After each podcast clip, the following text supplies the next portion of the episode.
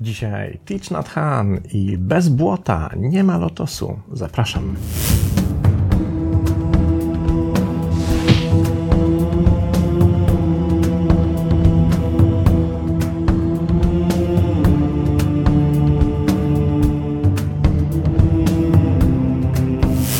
Po ostatnim odcinku Niewidzialnych Książek zacząłem się zastanawiać, czy czasem ten cykl nie przekształca się trochę w Zasłużonych, bo po raz kolejny gości w nim osoba, która pożegnała się z tym łezpadołem zupełnie niedawno, bo jeszcze nie minął miesiąc od śmierci Thich Nhat Hana, a to jego książkę dzisiaj będziemy omawiali. Książka Bez błota nie ma lotosu z 2014 roku. W Polsce oczywiście się do tej pory nie ukazała. Uznałem, że warto po nią sięgnąć, bo jest to pozycja w jego jakże bogatej spuściźnie książkowej, niezwykle cenna moim zdaniem.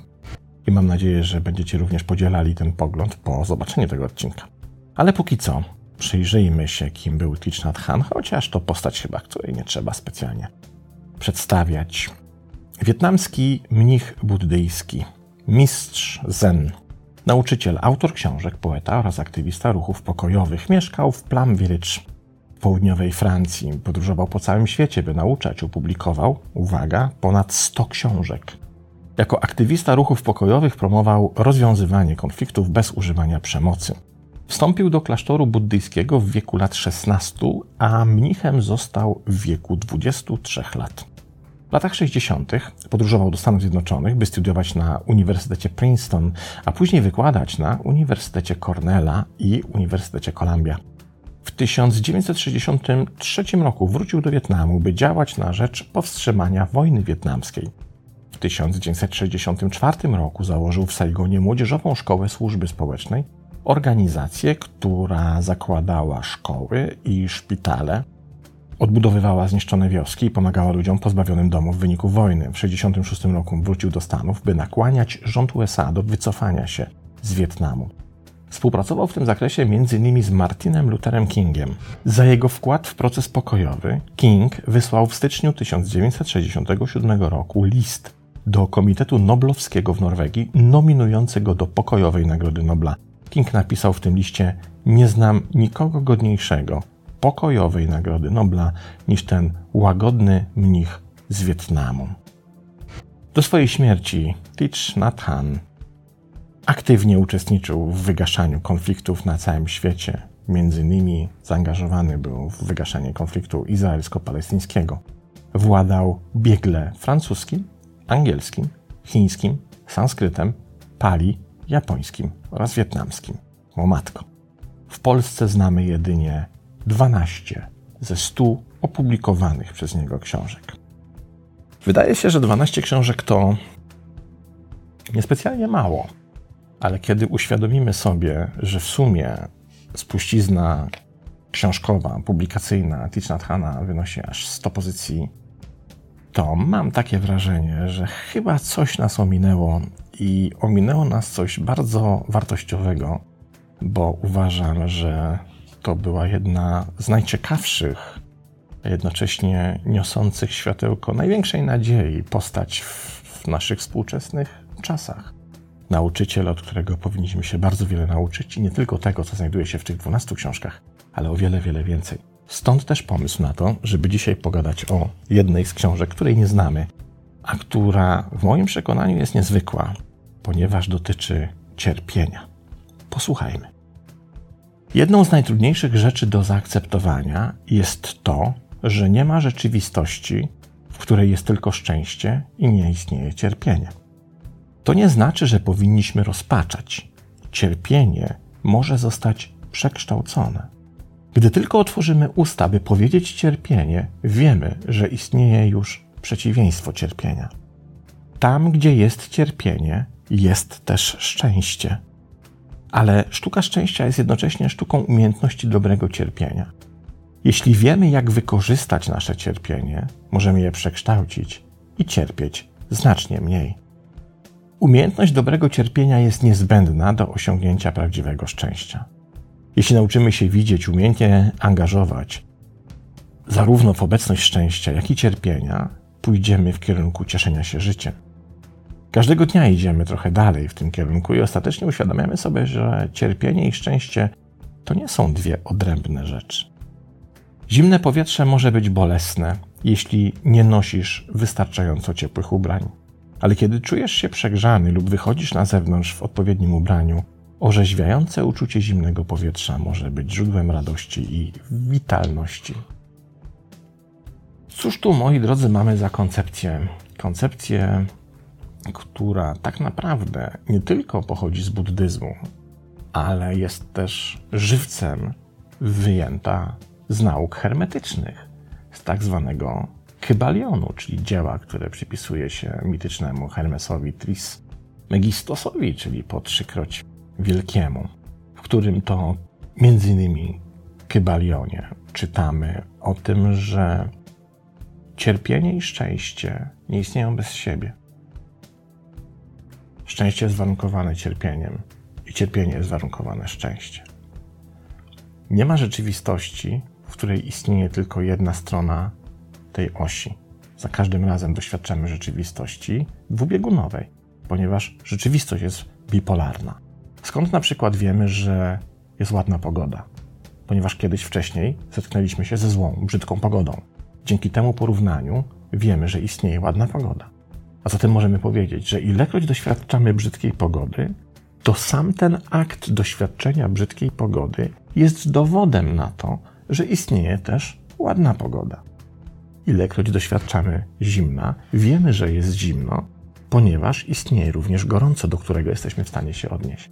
I Thich Nhat Han wskazuje na tę świętą, złotą, hermetyczną zasadę w kontekście naszego cierpienia i szczęścia. Skoro cierpisz, jesteś świadomy tego, że cierpisz, jesteś świadoma swojego cierpienia, to znaczy, że znasz również szczęście. To znaczy, że szczęście również egzystuje w Twoim słowniku, w Twoim systemie kognitywnym, że jesteś w stanie to szczęście rozpoznać. A jeśli w stanie jesteś rozpoznać szczęście, to jesteś w stanie tego szczęścia doświadczyć i dotknąć. I żeby to było możliwe, musisz również znać cierpienie. Musimy wiedzieć, gdzie znajduje się minus, czyli potencjał negatywny, byśmy byli w stanie przekonać się, że w opozycji do niego istnieje również potencjał pozytywny, czyli plus. Bo te dwa aspekty rzeczywistości de facto znajdują się na tej samej osi, tyle że po jej przeciwnych krańcach, ale oś jest ta sama. I to właśnie przekazuje nam Thich Nhat Han. Jeśli cierpisz, to masz tym samym świadomość, że istnieje niecierpienie. Poczytajmy dalej. Jeśli potrafisz rozpoznać i zaakceptować swój ból bez uciekania od niego, odkryjesz, że chociaż ból jest obecny, radość może być również dla ciebie dostępna i to w tym samym czasie. Wszyscy wiedzą, że musimy mieć błoto, aby mogły wyrosnąć kwiaty lotosu. Błoto niestety cuchnie, w przeciwieństwie do kwiatu lotosu, który potrafi oszołomić swoim cudownym zapachem. Jeśli jednak nie masz błota, lotos się nie zamanifestuje. Nie da się wyhodować kwiatów lotosu na marmurze. Bez błota nie może być lotosu. Jeśli wiesz, jak dobrze wykorzystać błoto, możesz wyhodować piękne kwiaty lotosu. Jeśli wiesz, jak zrobić dobry użytek z cierpienia, możesz wytworzyć szczęście. Aby szczęście było możliwe, potrzebujemy trochę cierpienia, a większość z nas ma wystarczająco dużo cierpienia wewnątrz i wokół nas, aby móc to zrobić. Nie musimy tworzyć i poszukiwać niczego więcej. Cóż to oznacza? Myśl jest bardzo prosta. By osiągnąć szczęście, nie potrzebujemy niczego ponad to, co już mamy. Ono jest w zasięgu naszej ręki, tak samo jak cierpienie, którego doświadczamy. Bo zarówno cierpienie, jak i szczęście, mówimy tu oczywiście o cierpieniu na poziomie mentalnym, jest doświadczeniem każdego z nas. Wewnętrznym, zależnym od naszej reaktywności na to, co nas spotyka w życiu, na to, czego doświadczamy. Skoro jesteśmy zdolni do wewnętrznego cierpienia na poziomie mentalnym, to sam akt tej zdolności wskazuje, że jesteśmy również zdolni do wewnętrznego szczęścia. Tylko musimy się na nie otworzyć, musimy po nie sięgnąć. Skoro masz błoto, możesz wyhodować lotos. Nie ma błota, nie ma lotosu. Posłuchajmy kolejnego fragmentu. Kiedy pojawia się cierpienie, pierwszą rzeczą do zrobienia jest zatrzymanie się, podążanie za naszym oddechem i uznanie tego. Nie próbuj zaprzeczać niewygodnym emocjom, ani ich spychać. Kiedy przenosimy nasz umysł do naszego ciała, dzieje się coś wspaniałego. Nasz mentalny dyskurs przestaje gadać. Uważność to najlepszy sposób na bycie z naszym cierpieniem bez przytłoczenia. Uważność to zdolność przebywania w chwili obecnej, by wiedzieć, co dzieje się tu i teraz. Dzięki uważności możesz rozpoznać obecność cierpienia w tobie i w świecie. I z tą samą energią czule objąć to cierpienie.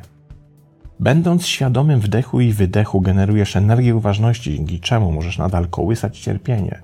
Praktykujący uważność mogą pomagać i wspierać się nawzajem w rozpoznawaniu, przyjmowaniu i przekształcaniu cierpienia. Dzięki uważności nie boimy się już bólu. Możemy nawet pójść dalej i zrobić dobry użytek z cierpienia, by wygenerować energię zrozumienia i współczucia, które nas leczą, a także możemy pomóc innym uzdrawiać i być szczęśliwymi. To więc praktyka, która nie polega na zwalczaniu lub tłumieniu uczucia, ale raczej na kołysaniu go z dużą czułością. I teraz właśnie dochodzimy do fragmentu, który był powodem do tego, że sięgnąłem właśnie po tę książkę, a nie inną Thich Nhat Hana, ponieważ ten fragment wskazuje nam, w jaki sposób możemy pomóc komuś, kto cierpi. I jak bardzo się mylimy w tym, jak podchodzimy do cudzego cierpienia, jak wiele niepotrzebnych rzeczy robimy, by zaradzić te, na tę sytuację, zaradzić na te cierpienie. Takich, których ta osoba tak naprawdę w ogóle nie potrzebuje. A jednocześnie nie robimy tego, co jest jej naprawdę potrzebne. Niezwykle ważna rzecz. Posłuchajmy. Najskuteczniejszym sposobem okazywania innym współczucia jest słuchanie, a nie mówienie. Masz okazję ćwiczyć głębokie, współczujące słuchanie. Jeśli potrafisz słuchać drugiej osoby ze współczuciem, twoje słuchanie jest jak maść na jej ranę. W praktyce współczującego słuchania słuchasz tylko w jednym celu, którym jest danie drugiej osobie szansy na wypowiedzenie się i mniejsze cierpienie. Częścią sztuki dobrego cierpienia jest uczenie się, jak nie powiększać naszego bólu, dając się ponieść strachowi, złości i rozpaczy. Jeśli mamy bliskich, którzy cierpią, jedną z najlepszych rzeczy, jakie możemy zrobić, jest zaoferowanie im bycia z nimi i ofiarowanie im naszej energii uważności i spokoju. Najcenniejszą rzeczą, jaką możesz ofiarować osobie, którą kochasz, jest Twoja obecność. To nie jest coś, co można kupić w supermarkecie. Kiedy naprawdę jesteś obecny, możesz podejść do osoby, którą kochasz, spojrzeć jej w oczy i powiedzieć: Jestem tu dla ciebie. To wystarczy. Zobaczcie, jak często popełniamy błąd, kiedy ktoś cierpi i chcemy temu komuś pomóc. Mówimy: Co mam zrobić, by ci ulżyć? Czego potrzebujesz? Co mam powiedzieć? Jakich rzeczy, przedmiotów mam ci dostarczyć? Na co masz ochotę? Co mam dla ciebie zrobić? I gęba nam się nie zamyka. A to nie o to chodzi. Chodzi o zupełnie inny rodzaj obecności. Po prostu bądź z tym człowiekiem. On potrzebuje wyłącznie Twojej obecności, a nie setek pytań, czy zrobić mu herbatę, czy mu polecieć po fajki do sklepu, czy cokolwiek innego. Po prostu bądź. Bądź ze mną, kiedy cierpię. Bo kiedy cierpię, jedyną rzeczą i najważniejszą rzeczą, którą potrzebuję, jest obecność bliskiej osoby, a nie odpowiedzi na pytania, czego mi trzeba. Nie rozmowa, nie zagadywanie cierpienia, nie szukanie sposobu na to, by pomóc. To nie jest potrzebne. Obecność jest potrzebna, tu i teraz, wspólna. Po prostu bądź ze mną, kiedy cierpię. Jak pisze Thich Hanh, to w zupełności wystarczy. I myślę, że dla tej idei warto sięgnąć po tę książkę, bo pokazuje nam, że możemy na nasze, ale też na cudze cierpienie, na cierpienie osób nam bliskich spojrzeć w zupełnie nowy sposób przemyśleć, czy to, co do tej pory oferowaliśmy cierpiącym w naszym otoczeniu, jest właściwe, zasadne i potrzebne, czy na pewno im służy. To tyle. Cudowna książka. Jedna z pozostałych 88, które nie ukazały się w języku polskim i po którą koniecznie warto sięgnąć. Książka zatytułowana Bez błota, nie ma lotosu, 2014 rok. I oczywiście nieodżałowany obywatel Teach at Han, członek Alei Zasłużonych. Pozdrawiam.